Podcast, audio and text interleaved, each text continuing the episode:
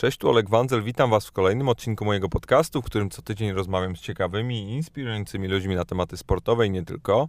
A dziś mam przyjemność gościć Leszka Orłowskiego, autora, eksperta oraz komentatora piłkarskiego i redaktora piłki nożnej.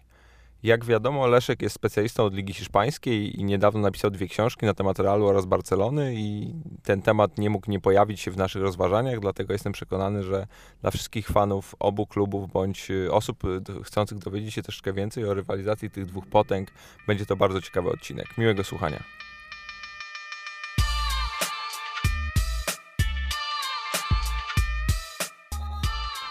Leszku, witam Ciebie serdecznie. Cieszę się, że udało Ci się tutaj w moje skromne progi wpaść. Dzień dobry. E, jesteś świeżo po premierze swojej drugiej książki, e, tym razem o Realu Madryt, nie o Barcelonie i też no, z tego powodu się tutaj spotykamy, bo nie ukrywam, że ten temat tej odwiecznej wojny w Hiszpanii gdzieś mi, gdzieś mi od, zawsze, od zawsze grał, a nie wyobrażam sobie lepszej osoby w naszym kraju niż, niż Ty, żeby o takim temacie porozmawiać. Dlatego to jest dzisiaj mój motyw przewodni. No, służę uprzejmie, aczkolwiek myślę, że nie do końca jestem w stanie wczuć się w e, uczucia kibiców Realu i, i Barcelony, ale znam ich e, wielu, więc, więc może także z tej strony będę mógł naświetlić to, co Cię interesuje. Czyli mówisz, że jesteś obiektywnym widzem, obserwatorem? E, no to nie jest tak do końca, że, że, że obiektywnym, bo wprawdzie nie jestem fanem Realu i Barcelony, ani Realu, ani Barcelony jako klubów, natomiast bywam fanem e, poszczególnych drużyn tych e, klubów. Kiedy Barcelona gra lepiej, kiedy ona wygrywa i, oglądanie piłki w jej wykonaniu sprawia mi większą przyjemność, no to wtedy staje się takim kibicem Barcelony, no bo życzę jej, żeby, żeby kontynuowała tą pasję, żeby nadal dostarczała mi towar postaci dobrego futbolu takiej jakości, jakiej, e, jak, jakiej wymagam, zwłaszcza od, od, od, tak, od tak świetnych plantatorów, że się tak wyrażę. No ale potem, e, jak to w futbolu, przychodzi czas, że Barcelona zaczyna grać e, słabiej, grywa nędznie momentami, tak jak to było w poprzednim sezonie na przykład. Natomiast Real z kolei zachwyca, no i wtedy, wtedy sprzyjam Realowi, bo chcę, żeby ten stan, kiedy Real mnie zachwyca, trwał jak najdłużej. Czyli chcesz być fazie ciągłej ekscytacji. O, no właśnie, no właśnie, tak, tak, tak. A to, to, bardzo, to bardzo zdrowe, bo mi, mi się wydaje, jak patrzę na, na fanów Realu i Barcelony, że tego z dystansu, czy, czy takiego bym powiedział zdrowego dystansu, to jest bardzo mało i, i chciałem się Ciebie zapytać, jak to jest możliwe, że będąc tak daleko, no bo y, my do Hiszpanii z Polski mamy, mamy dobre kilkaset e, czy kilka tysięcy kilometrów, E, jak, jak możemy być tak zagorzałymi fanami i faktycznie nienawidzić drugiej strony? Ja tego nie rozumiem. E, sam stawiałem wielokrotnie to e, pytanie, kiedy pytano mnie, dlaczego nie chcę się przyznać, czy kibicuję Realowi, czy Barcelonie, bo to jest rzeczywiście zjawisko fascynujące. Myślę, że po pierwsze są to, są to wrogowie, tak? Opozycja między Realem i Barceloną jest bardzo wyraźna, bardzo istotna i opiera się tylko nie, na, nie, nie tylko na kwestiach piłkarskich, wykracza daleko poza nie, w świat e, polityki, e, w historię e, Hiszpanii, historię Katalonii, historię wzajemnych relacji, więc jeśli ktoś się opowie ze względów piłkarskich, na przykład czysto piłkarskich po stronie Realu albo po stronie Barcelony, to bardzo szybko dochodzą nowe aspekty tego jego zaangażowania, aspekty, które każą mu nie tylko wielbić swoją drużynę, ale też ale też y, darzyć y, chłodnymi uczuciami albo wręcz lodowatymi y, wielkiego rywala. Można by długo oczywiście mówić, ale to nie, nie, nie, chyba nie ma sensu, bo mniej więcej wszyscy kibice Realu i Barcelony wiedzą, dlaczego nienawidzą e, drugiej drużyny i drugiego klubu, bo oczywiście nie wszyscy nienawidzą, ale, ale przyjmujemy, że, że jednak tak można określić te uczucia części z nich. Tak więc E, no, ludzie potrzebują generalnie jakiejś silnej identyfikacji z jakąś e, grupą przynależności. E, stąd się biorą wszystkie sekty i tak dalej, i tak dalej. I myślę, że, że, że w pewnym sensie kibicowanie Realowi albo kibicowanie Barcelony też dla wielu staje się czymś w rodzaju sekciarstwa. A to, to jest bardzo ciekawa teza. Jestem przekonany, że wielu ludzi, wielu ludzi yy, którzy będą tego słuchać yy, i, sympatyzują z Barceloną, czy, czy ale mogą się za tego typu stwierdzenie obrazić, bo nikt nie chce należeć do, do sekty, oprócz tych, którzy do tej sekty należą. Yy, ale mi się wydaje, jak ja na to patrzę i, i, i rozmawiam wiele, wielokrotnie z, z, różnego rodzaju moimi znajomymi, którzy faktycznie takimi, takimi fanami są, że mimo wszystko można kogoś nie lubić, można brać te kluby dane z całym tym dobrodziejstwem inwentarza, ale, no, ale nienawiść to jest bardzo mocne słowo i mimo wszystko śmiem twierdzić, że w sytuacji, gdy nie jesteś wychowany w tamtej kulturze, nie doświadczyłeś tego e, w swojej rodzinie czy w jakichś tam wcześniejszych e, korzeniach, no, generał Franco nie nie maltretował twojej, twojej hmm. rodziny pośrednio bądź bezpośrednio, e, albo ty nie byłeś z kolei no, partyzantem atakującym wówczas e, wojska hiszpańskie i nie walczyłeś o, o wolną Katalonię, to nie, nie wiem, czy jesteś w stanie takie, inaczej, nie powinieneś być w stanie takich emocji wy, sobie wzbudzić według no mnie. No tak, tak kilka razy rozmawiałem na, na ten temat e, z różnymi osobami, także, także jakby publicznie no i zazwyczaj ja odpowiem, no, twoje pytanie to była moja odpowiedź, tak, czyli ja odpowiadałem tym, tym, tym, tymi właśnie słowami, którymi te, ty, teraz ty mi zadajesz pytanie, że właśnie z tych, z tych względów, że nie doświadczaliśmy e, w Polsce osobiście tych tego, co się działo w, między mieszkańcami Barcelony, mieszkańcami Madrytu, że, nie, że, że te uczucia nie są jakby do końca naszymi uczuciami, tym bardziej jest to e, dziwne. E, więc ta, ta, tej sprawy tutaj nie rozstrzygniemy, bo ona do końca jest, e, do końca, do końca pozostaje niezrozumiała. Musiałby tu siąść kibic Realu i siąść kibic Barcelony, więc może... Jakiś dobry psycholog. Tak, może przejdźmy, może, może, może, może spróbujmy od innej strony to ugryźć. E, mianowicie także od strony czysto piłkarskiej e, są istotne zarzuty wobec e, stawiane przez kibiców Realu Barcelonie i, i, i na odwrót. Kibice Realu zarzucają Katalończykom, Barcelonie i całemu klubowi, że to są płaczki, którzy domagają się specjalnych przywilejów Tutaj y, bardzo te antagonizmy także w Polsce podniosły, podniosły ich temperaturę, to co działo się, podniosło ich temperaturę, to co działo się podczas tej tormenty klasyków y, za kadencji Mourinho i, i Guardioli, kiedy sędziowie sprzyjali y, Barcelonie i w jakiś tam sposób ukarany został Pepe za to, czego nie zrobił, wyrzucony na trybuny Mourinho, więc e, e, Barcelona generalnie uważana jest przez kibiców Realu Madryt za klub świętoszkowaty, a w istocie rzeczy cyniczny, a w istocie rzeczy za kulisami robiący wszystko, by tego szlachetnego białego rycerza, czyli Real Madryt, strącić z konia.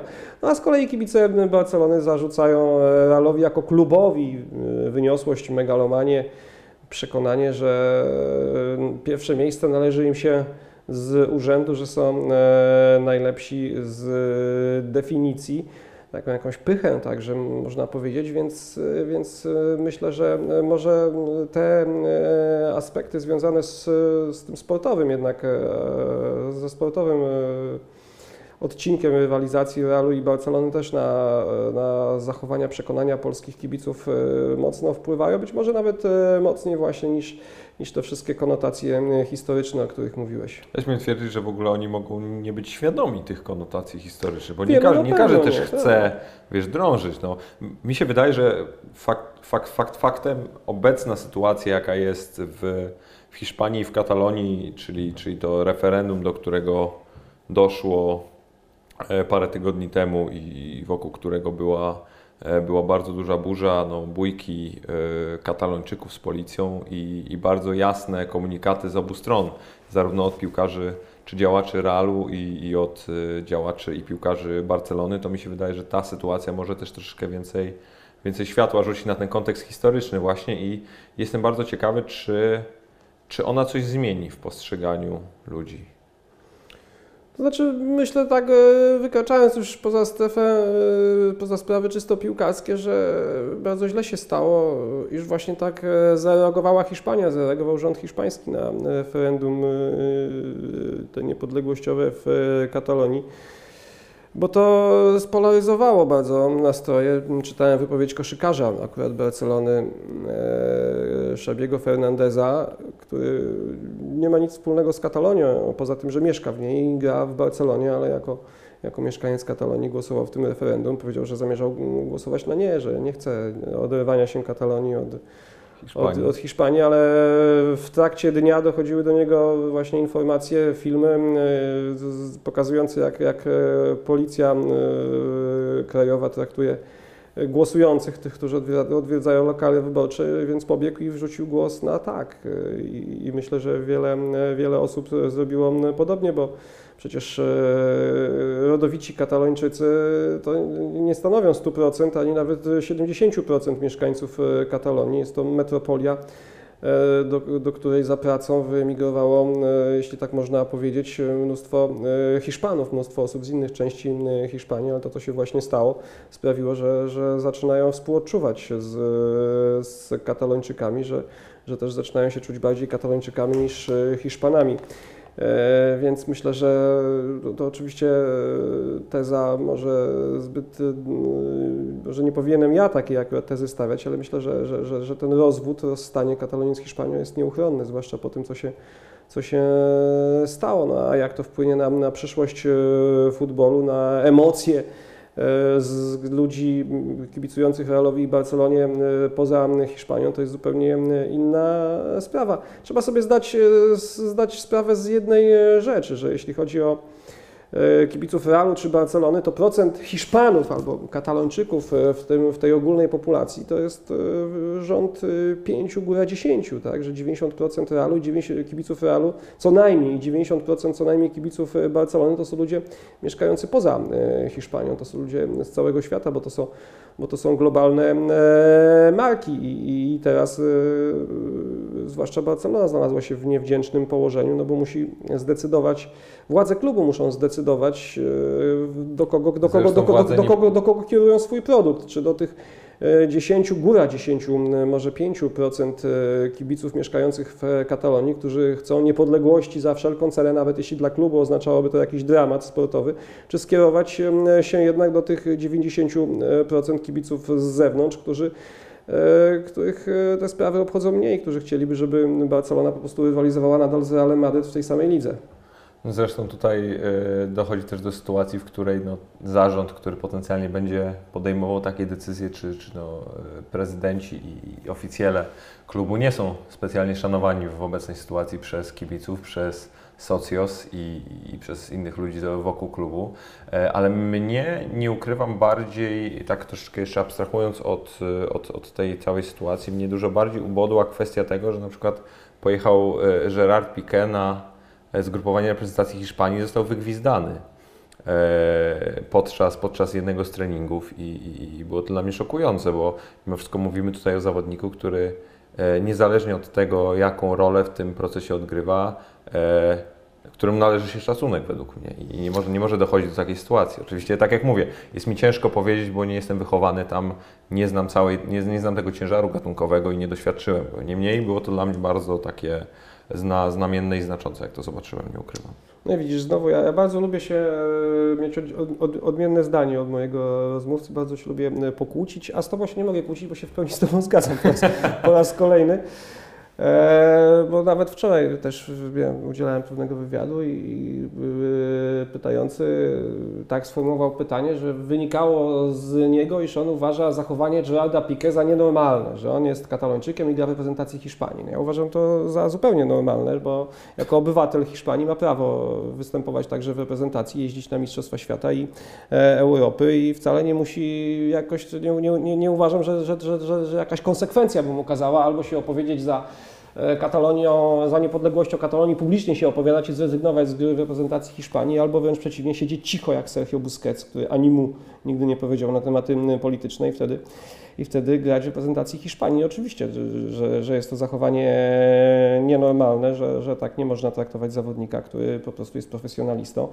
Jako sportowiec jest profesjonalistą, e, gra po to, by nie tylko zarabiać pieniądze, ale także zdobywać trofea na, na niwie klubowej, na niwie reprezentacyjnej. Oddaje reprezentacji Hiszpanii zawsze wszystkie swoje siły, więc, więc uważam, że on jest, on jest fair, a ci, którzy go tak traktują, tak jak traktują, są nie fair, bo jakby e, odmawiają mu, wygwizdując go, odmawiają mu prawa, e, jakie przysługuje każdemu obywatelowi demokratycznego państwa, tak? Wyrażania swoich e, poglądów i, i prowadzenia legalnych działań w kierunku zmiany stanu rzeczy, jaki istnieje, jeśli on mu nie odpowiada. No dokładnie, mi się wydaje, że że w tej całej sytuacji troszeczkę brakuje wielu ludziom wypowiadających się na ten temat y, takiego kubła zimnej wody i, i pewnych, takiego, pewnego pragmatyzmu i, i zrozumienia faktów, bo bardzo nie lubię, gdy ktoś wypowiada się na jakiś temat, bądź gdy ktoś stawia jakieś tezy, po pierwsze nie znając do końca zagadnienia, po drugie stricte będącym nastawionym na, na antagonizowanie danej, e, danej grupy. Ale Zgadzam się, że, że, o tematach politycznych możemy rozmawiać i rozmawiać i są one bardzo złożone i śmiem twierdzić, że ja też nie mam aż tak dużej wiedzy, by w te tematy wchodzić. E, mam stanowczo dużo większą na tematy piłkarskie i to jest e, też, to, też kwestia, którą bardzo bym chciał z Tobą poruszyć. E, masz swój ulubiony, masz swoje ulubione drużyny Realu i Barcelony w historii? Albo generacje? Nie chciałbym tutaj wykraczać w, w, poza ramy obecnego stulecia, bo, bo, bo w tamtym e, stuleciu bardzo mało meczów było po prostu dostępnych, jedynie w europejskich e, pucharach. No powiedzmy w latach 90. to się zaczęło, to się zaczęło oczywiście zmieniać, więc możemy tutaj od, od początku lat 90. przyjąć taką cezurę. Nie będę mówił, że moją ulubioną drużyną Realu Madryt była ta z Puszkaszem i, i, i Di Stefano, bo w życiu jej nie, nie widziałem. Uważam, że Real, Real obecny Real Ancelottiego e, Zidana to jest, e, to jest drużyna, którą można się zachwycać i z pewnością jest to moja ulubiona drużyna Realu. O wiele bardziej mi się ona podoba niż pierwszy projekt e, Galacticos i nawet niż ta drużyna, która w latach 98-2002 trzy razy wygrywała Ligę Mistrzów. Co do Barcelony, to, to, to tutaj zdania są jakby e, nie, nie, są podzielone. To była najlepsza drużyna w historii, ta, którą zbudował Pep e, Guardiola. Przy czym mi się najbardziej podobała ta w, z, tego, z, tych, z tego kilkuletniego okresu władzy Pepa, w której, w, w której ataku grali Messi, Villa i, i Dawid, i ten, i Pedro, przepraszam. I Pedro. Dawid Villa i Pedro, bo, bo to była drużyna w której te akcenty były rozłożone, tak można powiedzieć, modelowo. Jedna wielka gwiazda i pozostali zawodnicy, którzy w jakiś sposób są wokół niej e, skoncentrowani. Kiedy pojawił się Neymar, kiedy pojawił się Luis Suarez, to już było coś e, zupełnie innego, to już, e, to już była w jakimś sensie równowaga zachwiana między, między tym, co piękne, co wspaniałe, a, a między rzemiosłem.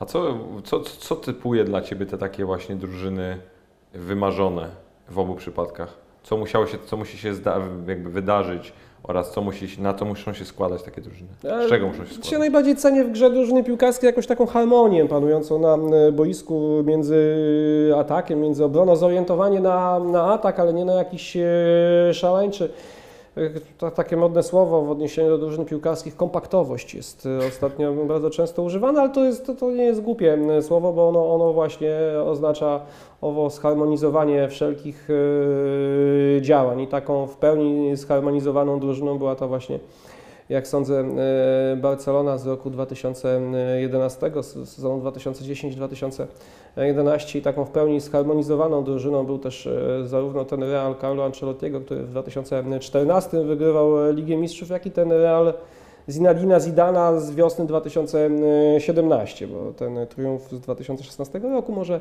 trochę mniej, e, mniej mnie zachwycał tamten, tamten e, Real, ale to są, to, są, to są szczegóły, to są tak naprawdę delikatne e, różnice, więc nie chodzi mi o to, kiedy zasiadam do meczu, żeby zobaczyć 11 gwiazd, z których każda gra dla siebie, tak? Jak to było w tym Realu galaktycznym, pierwszym Realu galaktycznym Florentino Pereza, czy jak bywało czasami i, i, i w Barcelonie choćby w poprzednim e, sezonie, kiedy, mm, kiedy była nadbudowa, a nie było bazy.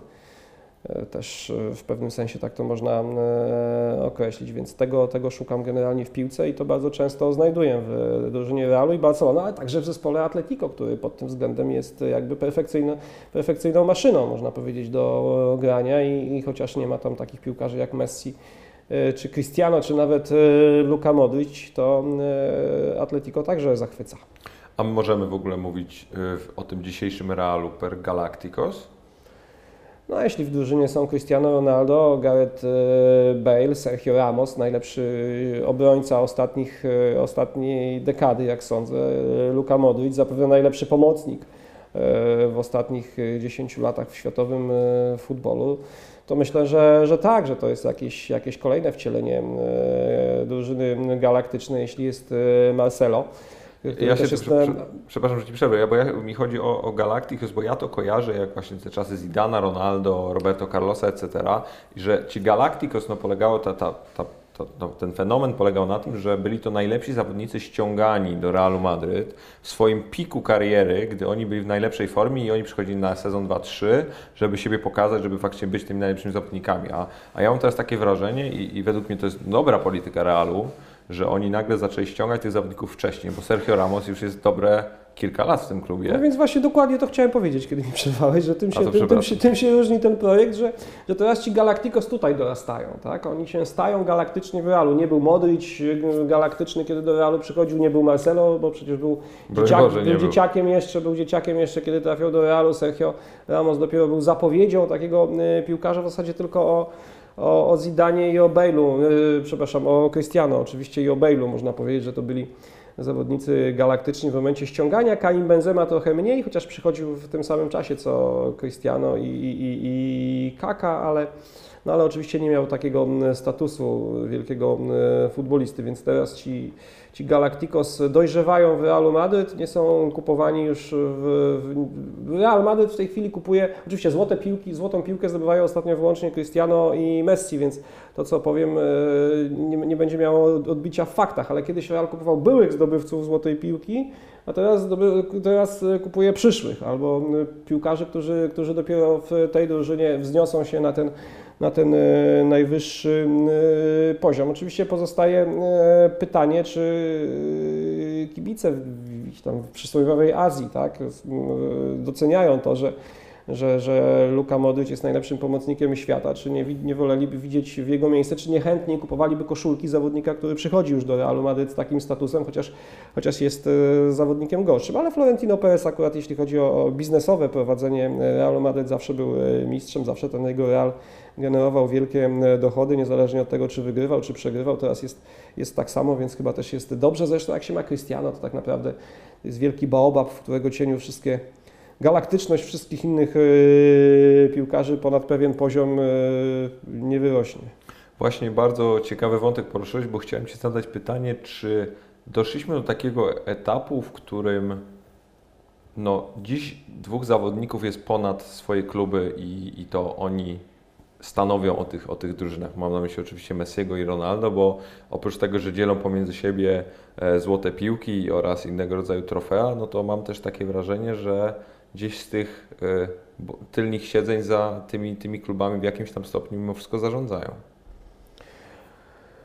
Tak, to chyba jest trafne spostrzeżenie, zresztą pisałem o tym i w książce o Barcelonie, i w książce o Realu, że wiele, że wiele decyzji y, dotyczących y, przyszłości klubu, dotyczących składu drużyny było wynikiem sympatii bądź antypatii Messiego lub Cristiano Ronaldo wobec danej osoby, czy wobec danego pomysłu na grę związanego związanego z tą e, osobą postawiłem tezę, że to Messi stało za tym, że Ibrahimowicz po sezonie jednak wyleciał z mm, Barcelony, chociaż chociaż winy Ibrahimowicza e, właściwie żadnej nie można dostrzec e, w tym, co się działo przynajmniej do marca, kwietnia tego sezonu, kiedy on był potem, potem kiedy już się zorientował, że, że właściwie jest, jest już po nim, no to no to zaczął się zachowywać stosownie do e, sytuacji. Tak samo w Realu Madryt e, wygląda kwestia obsady środk pozycji środkowego napastnika, gdzie e, od wielu lat gra Karim Benzema, już kilka ofiar, można powiedzieć, Benzema ma, ma na swoim sumieniu, bo wielu napastników świetnych, ostatnio Morata,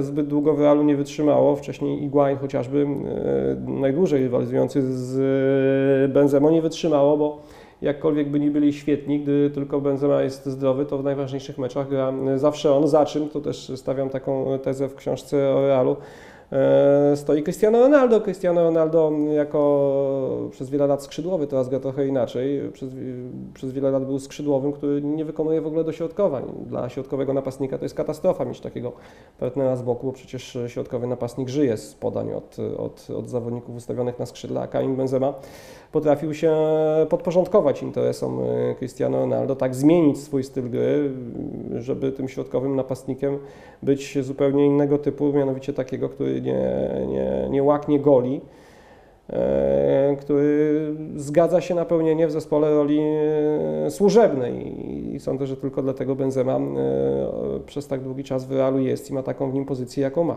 A jaką rolę w odejściu Neymara odegrał Messi?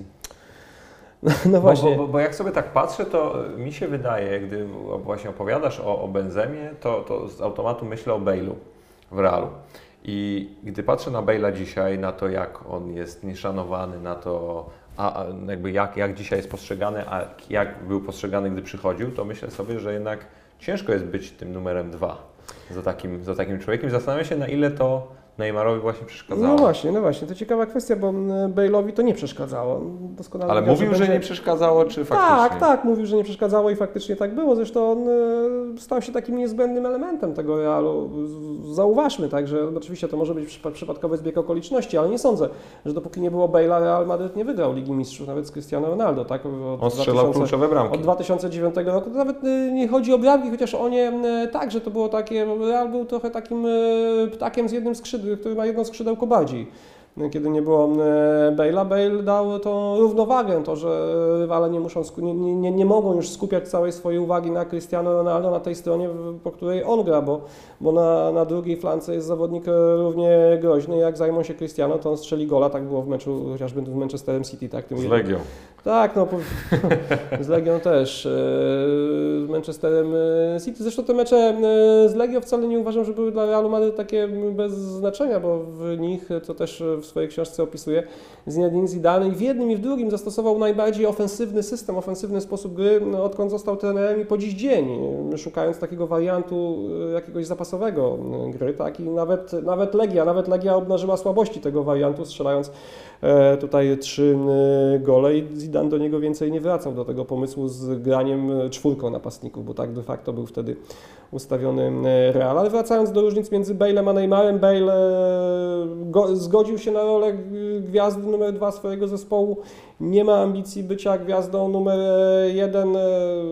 Chce grać w Realu, chce z nim wygrywać. No, za chwilę się to może zmienić, bo, bo, bo rzeczywiście w tej chwili to już nie jest gwiazdą numer dwa. W tej chwili jest spychany przez Isco Asensio na, jakąś tam, na jakieś tam dalsze pozycję. Natomiast Neymar, dużo się mówiło po odejściu Neymara o tym, jaki to wspaniały był Messi, bo prasa hiszpańska dotarła do, do, do, do jakiejś wypowiedzi Messiego do Neymara, który miał mu powiedzieć zostań, zostań tu, ja cię, chcesz złotą piłkę, zostań w Barcelonie, ja ci tę złotą piłkę załatwię. No chyba nie mogło być gorszej obelgi po twarzy dla Neymara, że miałby zostać w Barcelonie i dostać złotą piłkę tylko dlatego, że Messi mu w tym pomógł i Messi zdecydował, że teraz czas, żeby dopieścić kolegę i go obsługiwał podaniami i tak dalej, i tak dalej.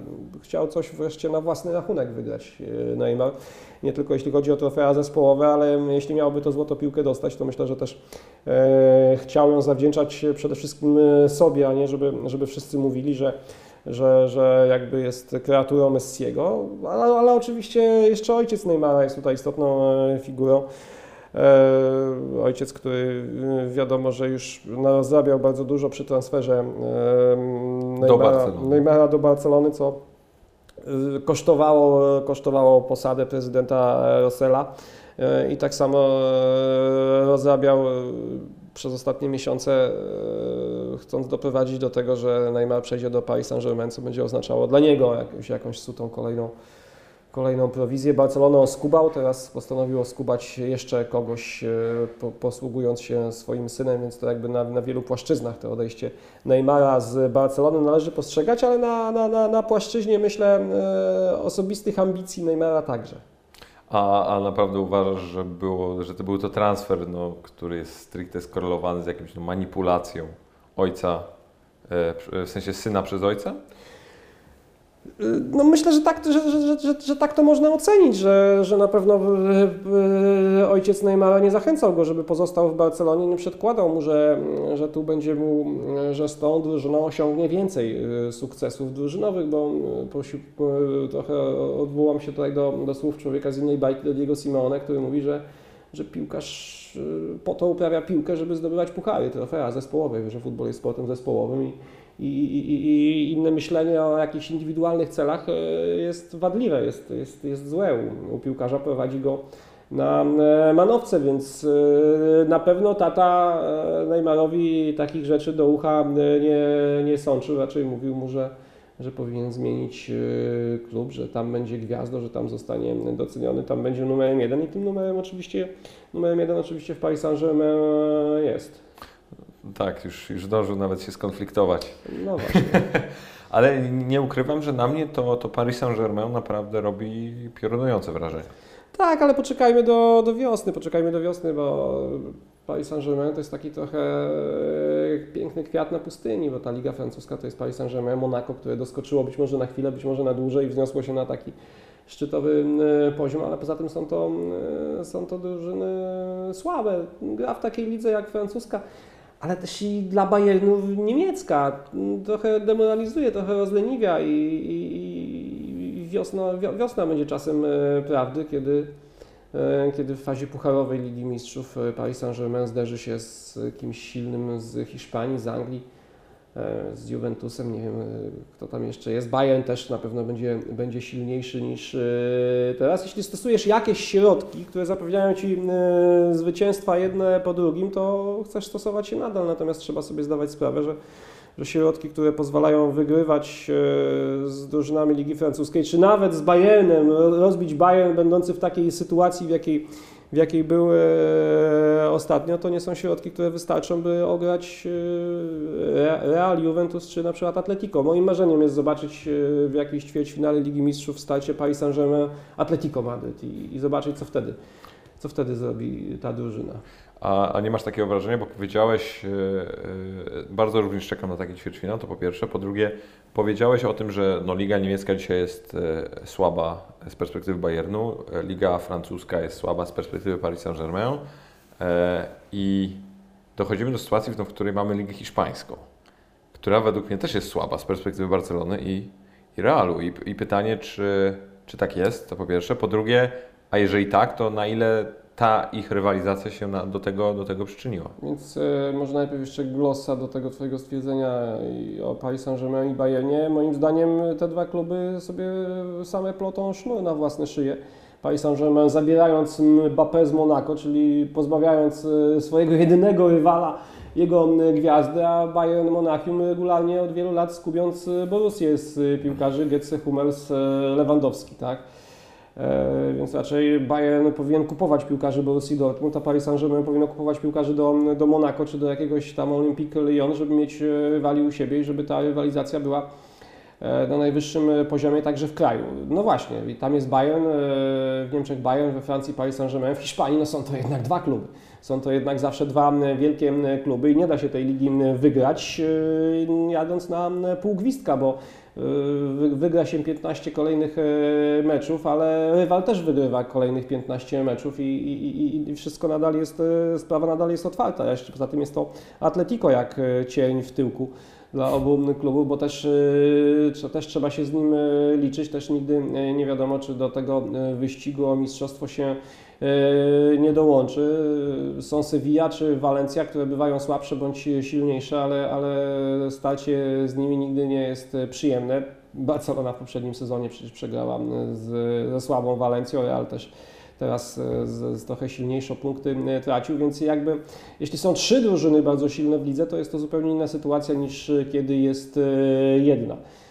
Bundesliga to jest tak naprawdę liga hiszpańska bez Realu Madryt, no bo Bayern porównałbym e, raczej do Barcelony, przyjmując, że, że Bawaria też jest taką częścią Niemiec trochę e, różniącą się od, od, od całej reszty kraju, jak Katalonia od, a nie do Realu? Od reszty Hiszpanii. No, pod, pod jednym, pod jakimś względem można porównać Bayern do Realu, ale pod innym do Barcelony. Zależy, zależy gdzie, gdzie przyłożymy e, oko, ale myślę, że no, Bawaria jest, jest, jest czymś zupełnie innym tak, niż reszta niż reszta Bundesrepubliki, jest e, krajem katolickim, jest e, krajem jakby nieco, nieco odrębnym, podkreślającym tą swoją odrębność, pielęgnującym ją, e, tak samo jak e, Katalonia w Hiszpanii. Więc e, patrząc na to z, tej, z tego punktu widzenia, na pewno Bayern należałoby porównać właśnie do Barcelony. Ale jak spojrzymy z kolei ze strony wartości i sposobu prowadzenia klubu Zgadzam się, typu ludzi, zgadzam się, to, to zgadzam jest to już dużo Zgadzam- bardziej zgadzam- madryckie, bym zgadzam powiedział. się, zgadzam się. Takie jakieś wyniosłości versus... Tak, tak, oczywiście, oczywiście. Bo mi tak, jeżeli chodzi o pewnego rodzaju jakiś taki lifestyle i, i życiowe, no i cykl przede wszystkim życia w, w Katalonii, to to już to ba, dużo bardziej berlińskie jest dla mnie. No to ja już nie, nie, będę, nie, będę, nie będę się odnosił do tego, bo, bo, bo w Berlinie byłem raz w życiu przez 5 godzin. A, no to, to tak. Nie, ja, ja, ja, mówię, bo akurat byłem, e, byłem niedawno, Rozumiem. więc doświadczyłem. E, ale wracając do, do piłki i do, i do Hiszpanii, e, co sądzisz o Atletico i o roli Atletico w kształtowaniu Realu i Barcelony? Bo ja mam, ja właśnie sobie pomyślałem o takim, no może nie metaforze czy, czy, czy uosobieniu tego klubu jako ta, tego takiego maratończyka, który biegnie z Tobą przez cały maraton i odpada dopiero na ostatniej prostej, ale w pewnym sensie zmusza Ciebie do pełnego wysiłku, czy tam nawet wzniesienia się na, na, wy, na, na wyżyny swoich możliwości e, przed tym, przed tym finalnym startem, bo miałem okazję oglądać Atletico na żywo z Realem Madryt grający w finale Ligi Mistrzów, e, tym, zresztą w- no, w, tym, w tym pierwszym, gdy, gdy no, Ramos. E, dokładnie, gdy, gdy oni po prostu e, odpadli, e, wy, byli wycieńczeni po, po tych 90 minutach, nie byli w stanie, e, nie byli w stanie biegać. I, i, I pamiętam, oglądałem ten mecz i mówię, było mi tak ich żal. I się zastanawiam właśnie, jaką, jaką, jaką oni mają rolę według Ciebie w tym, w tym, w tym samym procesie. No właśnie, właśnie teraz piszę książkę o Atletico trzecią, więc O. jestem, więc jestem mocno na, jestem na to już bieżąco. się zapraszam Jest- do dogrywki na Jest, pewno. jestem, jestem, że tak powiem, w tej chwili mocniej zagłębiony w historię Atletico ostatnich lat niż w historii Realu i, i, i Barcelony, bo to już trochę e, to już rzeczy, które, które skończyłem, tak? Więc No to, rzeczywiście no to robimy teaser pod następną książkę. tak, Atletico odgra, odegrało bardzo ważną rolę.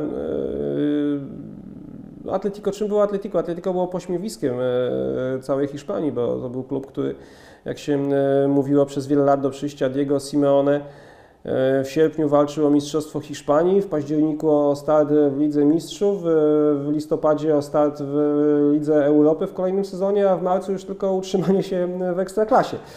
E, Natomiast Diego Simone to e, zmienił. Diego Simone w pewnym sensie e, pokazał, że, że, że, że nie tylko nazwisk, że grają nie tylko nazwiska, że futbol to jest, to jest, to jest pewien także system wartości, że,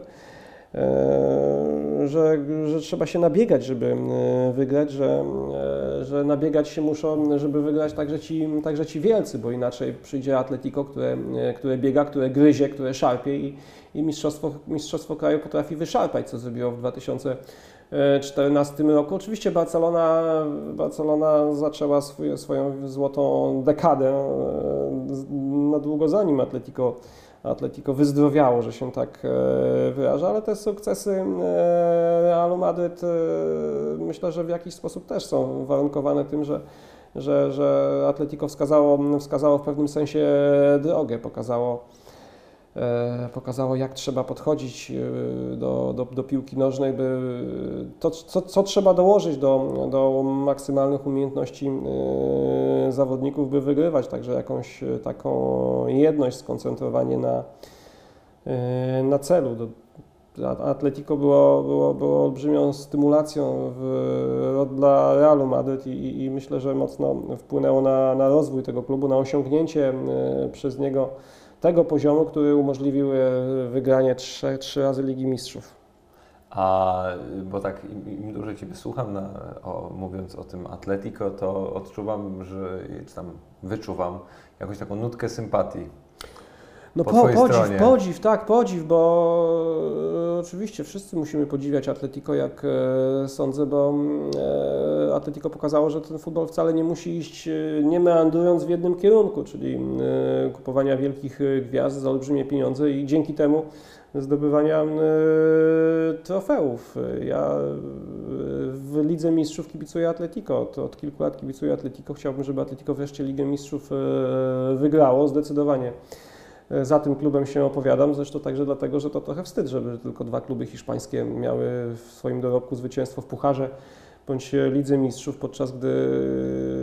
Ligę Mistrzów zwyciężyło Nottingham Forest. No właśnie, czy, czy, czy, czy kluby portugalskie, czy holenderskie, tak, e, PSV, Ajax, Feyenoord wygrywały na przykład trzy, a, hiszpańskie tylko e, dwa. No, Atletico tak, jakiś taki etos e, przy, przy, przy, przywraca. No i jest jakąś taką alternatywą dla, dla wszelkich galaktycznych projektów. Też mi się wydaje, że jest, no oczywiście może to za, za, zabawnie zabrzmieć w dobie no, ogólnej komercjalizacji, niemniej chyba z tych trzech jest najmniej taka komercyjna czy, czy biznesowa, bym powiedział. No Jakoś najwięcej w tym piłki, tak mi się tak, wydaje. Tak, no z pewnością Atletico nigdy nie będzie miało tylu fanów za, granic, za, za rozmaitymi granicami, bliższymi bądź dalszymi kraju kontynentu. E, ilu mają Real i Barcelona. Nie jest to globalna marka o takim e, zasięgu, aczkolwiek e, różne lądy jeszcze nie zaanektowane przez Real i Barcelonę w ostatnich latach usiłuje zdobyć, tak Azerbejdżan, czy, czy, czy Turcja, czy Indie, bo w tamtejszej lidze gra klub o nazwie Atletico, bezpośrednio związany organizacyjnie, tak i poniekąd finansowo z Atletico Madryt, więc starając... Teraz jeszcze Chiny poprzez no, swoich mniejszościowych tak, właścicieli. Tak, tak, no właśnie, no właśnie, Chiny to, to, to kolejny krok, może najważniejszy zresztą. Więc Atletico stara się spychać łokciami nie tylko na boisku, ale także poza boiskiem, co oczywiście, oczywiście nigdy nie uda mu się osiągnąć takiego statusu jak Real czy Barcelona, ale, ale, ale też e, potrafi dla siebie e, wyszarpać e, jakąś część tego, tego tortu. Mi się też wydaje, że już sam fakt, że my w ogóle dyskutujemy o Atletico w kontekście Realu i Barcelony jest już ich dużym sukcesem i, i pewnego rodzaju e, znakiem tego, że wykonali no, tytaniczną pracę przez ostatnie parę lat. Tak, to, tak, co, no, sam, kierunek, w jakim idą, jest dobry. Sam Simeone mówi, że dla nich jakby świadectwem ich, dowodem ich wielkości jest sam fakt, że rywalizują o cokolwiek, że grają w tej samej lidze, w cudzysłowie, tak, co e, Real i Barcelona, czyli mają takie same e, cele jak e, te dwa kluby. Dobra, wróćmy do kwestii książki, czy to właściwie kwestii książek. Ja się chciałem Ciebie zapytać, czy, czy w ogóle pisanie tych książek sprawiało Ci przyjemność? I, i to taka kwestia e, retrospekcji i, i, podejścia w sposób retrospektywny do, do tych wydarzeń, E, czy sprawiała Ci przyjemność, bo ja, ja, ja pamiętam, przy, przy, wczoraj no, pamiętam, przygotowywałem się do naszej rozmowy i też sobie przypominałem te, te wszystkie drużyny, przypominałem sobie moje momenty oglądania ich, to jak, e, jakie emocje mi wówczas towarzyszyły i nie ukrywam, że, że wpędziło mi to w bardzo taką przyjemną nostalgię. Hmm. No tak, bo wszyscy, którzy kibicujemy, my, którzy kibicujemy piłce nożnej, mamy mnóstwo E, wspomnień związanych z Realem i e, Barceloną w ostatnich latach, z ich wspaniałymi meczami, bo, bo to były najfajniejsze mecze i cały czas są i zawsze będą mecze, w których one się mierzą ze sobą, ale też grają z innymi gigantami europejskiego futbolu. No tak, oczywiście, że, że, że pisałem tę książkę z olbrzymią przyjemnością, bo E, jako dziennikarz jakby relacjonowałem na bieżąco przez te wszystkie lata to, co działo się w Realu i, i Barcelonie, a pisanie tej książki pozwoliło mi zweryfikować także swoje spojrzenie, zagłębienie się jeszcze raz w źródła, e, lektura literatury e, przedmiotu i, i przemyślenie pewnych kwestii różniące się tym od, od pracy na bieżąco, że znam już jakby efekt rozmaitych działań i skutek E, rozmaitych przedsięwzięć, no to wszystko pozwalało zweryfikować, zweryfikować pewne tezy, a podczas pisania jednej i drugiej książki jakby towarzyszyło mi stale, stale, stale, pytanie dlaczego, nie pytanie jak coś się stało. Nie chciałem i nie, nie robię tego w tej książce, odtwarzać szczegółów poszczególnych meczów, chyba że jest to jakby konieczne dla toku narracji, ale właśnie zastanowić się, dlaczego Real przegrywał albo wygrywał, dlaczego Barcelona E, triumfowała, albo wręcz przeciwnie, w danym sezonie e, coś jej się e, nie udało. Więc to była tak, to była taka też nostalgiczna podróż, ale też, ale też, ale też przygoda swego rodzaju intelektualna, pisanie tej książki. A jakbyś miał mnie przekonać do przeczytania tych książek, bo ja celowo przed tą hmm. rozmową ich nie czytałem, by, by właśnie usłyszeć Twoją wersję wydarzeń i, i Twój powód, dla którego te książki powstawały, to jakbyś miał mnie jako takiego regularnego E, przeciętnego e, czytelnika przekonać do, do przeczytania tych książek, to, to jakie by było to dlaczego? E... Mogą być różne dla obu książek. Tak, tak, dlaczego?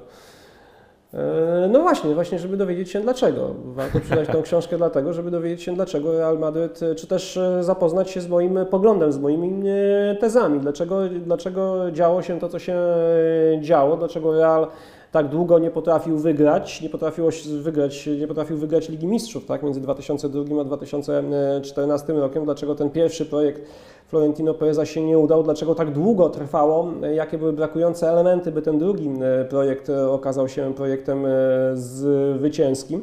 I to samo jeśli chodzi o Barcelonę. Warto przeczytać tę książkę, żeby zapoznać się z jakąś wizją tego, w jaki sposób klub, klub, który także był na początku jeszcze stulecia pośmiewiskiem całej Europy, w którym do którego e, sprowadzano mnóstwo drogich, a słabych piłkarzy, nagle e, stał się klubem, który, na którym się wszyscy, na którym się cały świat e, wzorował, nie tylko jeśli chodzi o grę drużyny, ale także o organizację, o wychowywanie piłkarzy, kto i w jaki sposób dał impuls do tego, żeby, żeby inaczej w Barcelonie zabrano się do realizowania marzeń o tym, by być najlepszym na świecie. A czy w swojej książce obalasz jakieś mity? szeroko takie utarte w stylu, że Real ma słabą szkółkę albo że Barcelona stoi wychowankami, bo, bo fakt jest taki, że e, tak jak rozmawialiśmy jeszcze przed, przed rozmową, to, to w Barcelonie zbyt wielu tych wychowanków ostatnio nie gra, a z kolei jak popatrzymy sobie po, na cały przekrój La Liga, to tych e, zawodników e, bezpośrednio E, wychowanych przez szkółkę Realu Madryt jest z kolei bardzo dużo, oni po prostu nie grają w Realu i, i zastanawiam się, czy, czy właśnie też te książki obalają troszeczkę tych takich właśnie utartych schematów czy, czy przekonań.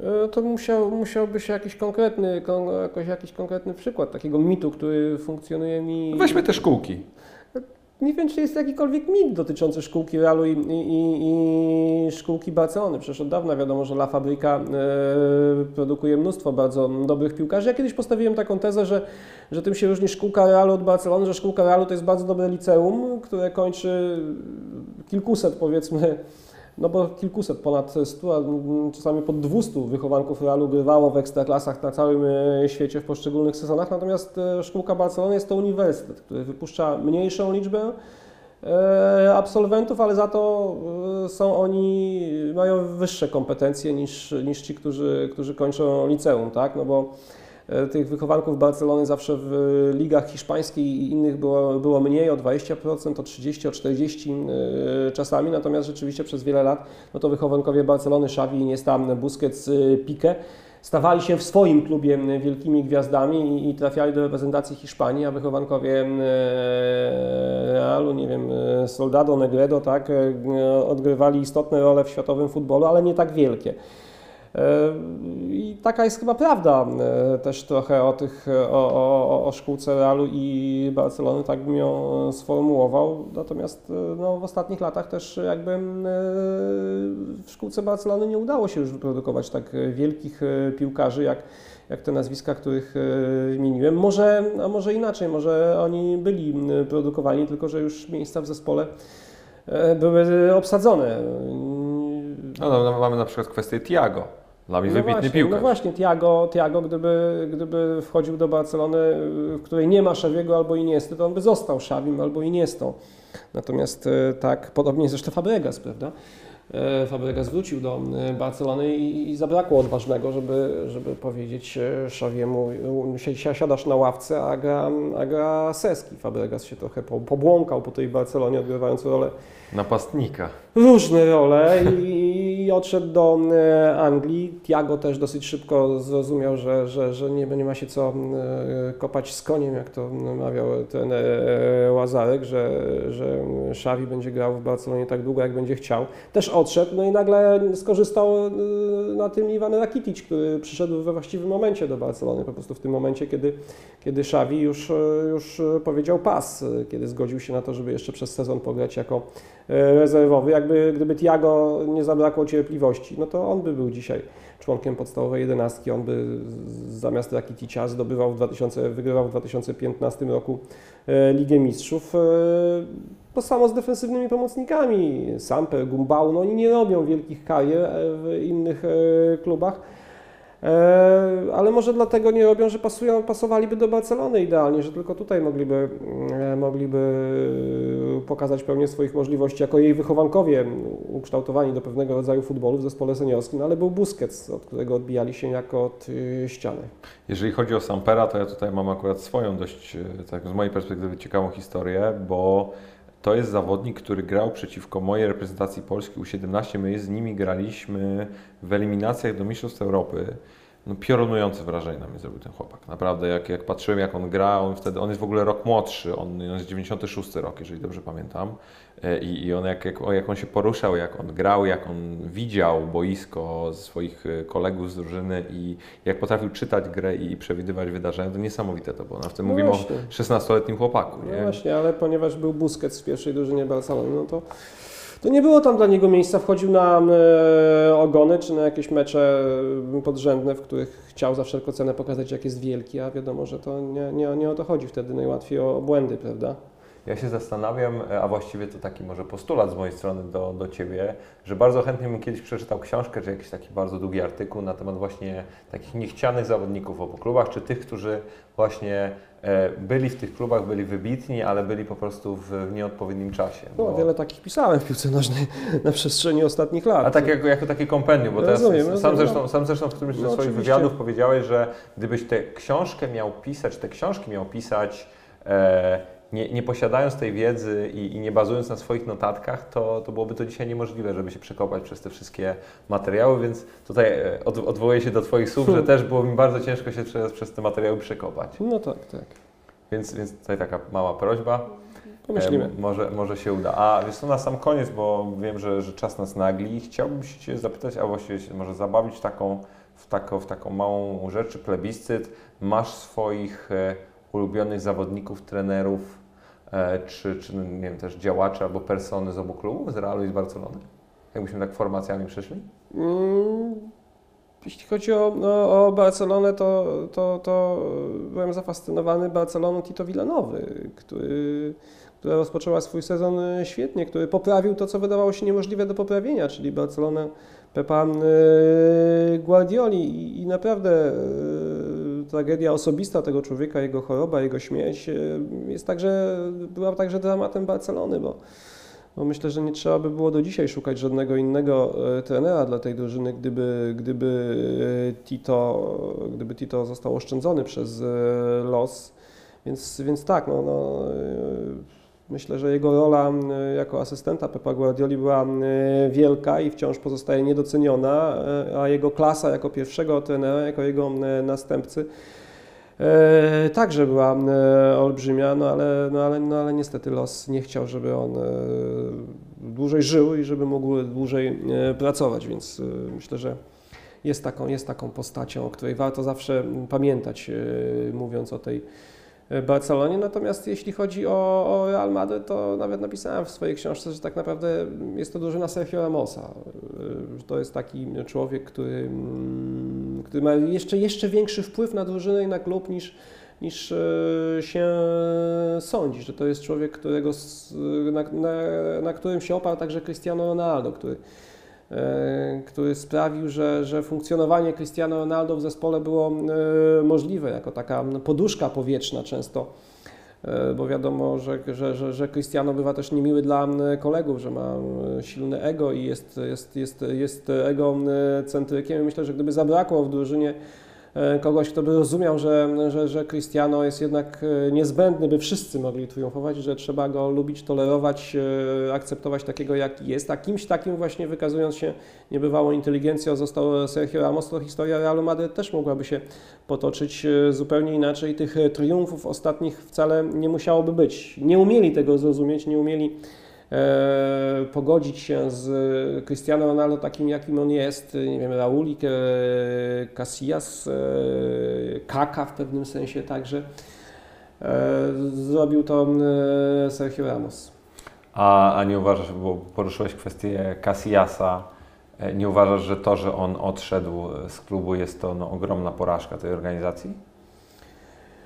Bo Raul rozumie, on był w kompletnie innym, innym momencie kariery, ale, ale Casillas... A no, Casillas też, Casillas też. to nie jest Gianluigi Buffon, który do, do 40 roku życia zachowuje y, wielką formę. Casillas w pewnym momencie, moim zdaniem, w tym momencie właśnie, kiedy odchodził z Realu, już, już sportowo nie dorastał do poziomu tego zespołu. Przecież on w FC Porto gra, ale nie uważa się go tam za jakiegoś wielkiego y, bramkarza, nie dokonuje tam jakichś cudów, wręcz przeciwnie, zbiera bardzo różne recenzje za, swoich, za swoje występy w FC Porto. Florentino Perez kiedyś, kiedyś o Raulu powiedział, że docenia to, że on wie, kiedy zejść ze sceny w momencie, kiedy Raul też oczywiście skonfliktowany z Perezem, ale już po prostu sam zdecydował się na odejście z Realu. Casillas myślę, że, że, że, to były słowa skierowane w pewnym sensie pod adresem Casillasa, bo on to już mówił wiele lat po, po odejściu Raula, że Casillas też musi zrozumieć, że nikt nie jest ważniejszy od klubu i że, że jeśli ktoś jest wychowankiem Realu, ale już jego forma sportowa nie jest tak wspaniała jak była, no to może ewentualnie postulować, żeby mu wznieść pomnik przy Santiago Bernabeu, ale nie, nie żeby mieć miejsce e, w zespole. A miał problemy z zrozumieniem tego, że, że szczytowy okres swojej kariery ma za sobą w pewnym e, momencie, więc tutaj nie uważam tego za, za, za, za wielką porażkę, tylko za naturalną kolej rzeczy. A y, czy jak, jak mówimy o Perezie i o jego podejściu właśnie takim, no tak naprawdę, to jest człowiek, który uosabia Real Madryt. Miałem, miałem okazję go obserwować na żywo, gdy, gdy, gdy pojechałem na, na Bernabeu oglądać mecz y, Real, Real Legia i nie ukrywam, że ten człowiek zrobił na mnie piorunujące wrażenie. Tak naprawdę y, czuć od niego charyzmę, czuć od niego tę energię, którą, która mu tam towarzyszy. I się zastanawiam, co się musiałoby wydarzyć, by w Barcelonie też się wykreowała taka postać, bo był Laporta, ale on miał też swoje braki, wielu ludzi miało wobec niego, wobec niego jakieś tam zarzuty, no i on też mimo wszystko nie generował aż tak dużej, nie był aż tak charyzmatyczny według mnie jak Perez w Madrycie i zastanawiam się, czy to też może być jakiś czynnik, który decyduje o tym, że mimo wszystko teraz ten Real jest, jest na topie. No tak, no oczywiście Florentino Perez obejmował Real w sytuacji yy, głębokiego kryzysu tego klubu niesportowego, bo przecież Real wygrywał właśnie dwa razy, wygrał Ligę Mistrzów w 98 i w 2000 e, roku, natomiast yy, kryzysu instytucjonalnego i finansowego sytuacja była de facto taka, że że Realowi mm, e, groziło to, że nie będzie mógł dalej zachować swojej formy istnienia, czyli być własnością socjos, że trzeba go będzie przekształcić w spółkę akcyjną, bo po prostu generował straty, a hiszpańskie prawo e, jest w tym przypadku bezlitosne, tak? Jeśli chcesz mieć e, formę takiego stowarzyszenia, jaką mają Real czy Barcelona, to to Twoje finanse muszą być e, zdrowe, więc e, Florentino Perez w pewnym sensie ocalił Real przed e, upadkiem, no bo to byłby upadek dla, dla tego klubu.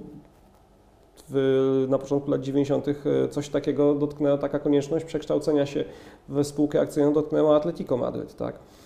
Na przykład, teraz już tylko cztery kluby hiszpańskie zachowują, zachowują swoją strukturę. Tak, tą strukturę, że są własnością swoich członków, więc przede wszystkim Przede wszystkim kibice Realu za to cenią Florentino Pereza i to jest dla nich ważniejsze niż wszystkie jego e, późniejsze ewentualne błędy, tak, które, które e, popełniał. Barcelona przed e, takim zagrożeniem nigdy nie stała, więc jakby nie ma żaden z jej prezydentów w ostatnich latach nie miał z tego powodu tak mocnej pozycji na wejście, że, że uratował klub, tak? Więc tu jest, tu jest ta zasadnicza E, różnica. No i ten upór Florentino Pereza, upór Florentino Pereza, by e, budować wielki Real Madryt, e, przy okazji też dla, dla swojej firmy, dla swojego biznesu jakieś tam cele ugrywając. To jest zupełnie inna historia, o której też zresztą dużo w książce pisze, sprawiają, że jeszcze te, te, te, te, te niefortunne interregnum Calderona w latach 2006-2009 to wszystko sprawiło, że że nawet ci kibice Realu, którzy nie do końca popierają Florentino Pereza, jego styl e, działania, uważają go za tak czy owak najlepsze wyjście dla tego klubu. Leszku, pięknie dziękuję. No, na pewno usłyszałem e, aż według mnie aż za wiele tych dlaczego e, miałbym się za te książki zabrać, więc, więc zrobię to niezwłocznie i dam Ci też znać, co sądzę na pewno po. Będę I wdzięczny za, za recenzję. Pewnie, nie, nie tylko ode mnie, jestem, no Was również wszystkich zachęcam do E, mam się słuchaczy do, do czytania i do, i do opiniowania, bo no, nie byłoby Realu i Barcelony bez dyskusji kibiców o Realu i Barcelonie. I tym, i tym bym, wydaje mi się, chciał skończyć. Pięknie Zgadzam dziękuję za, za czas. Dziękuję bardzo.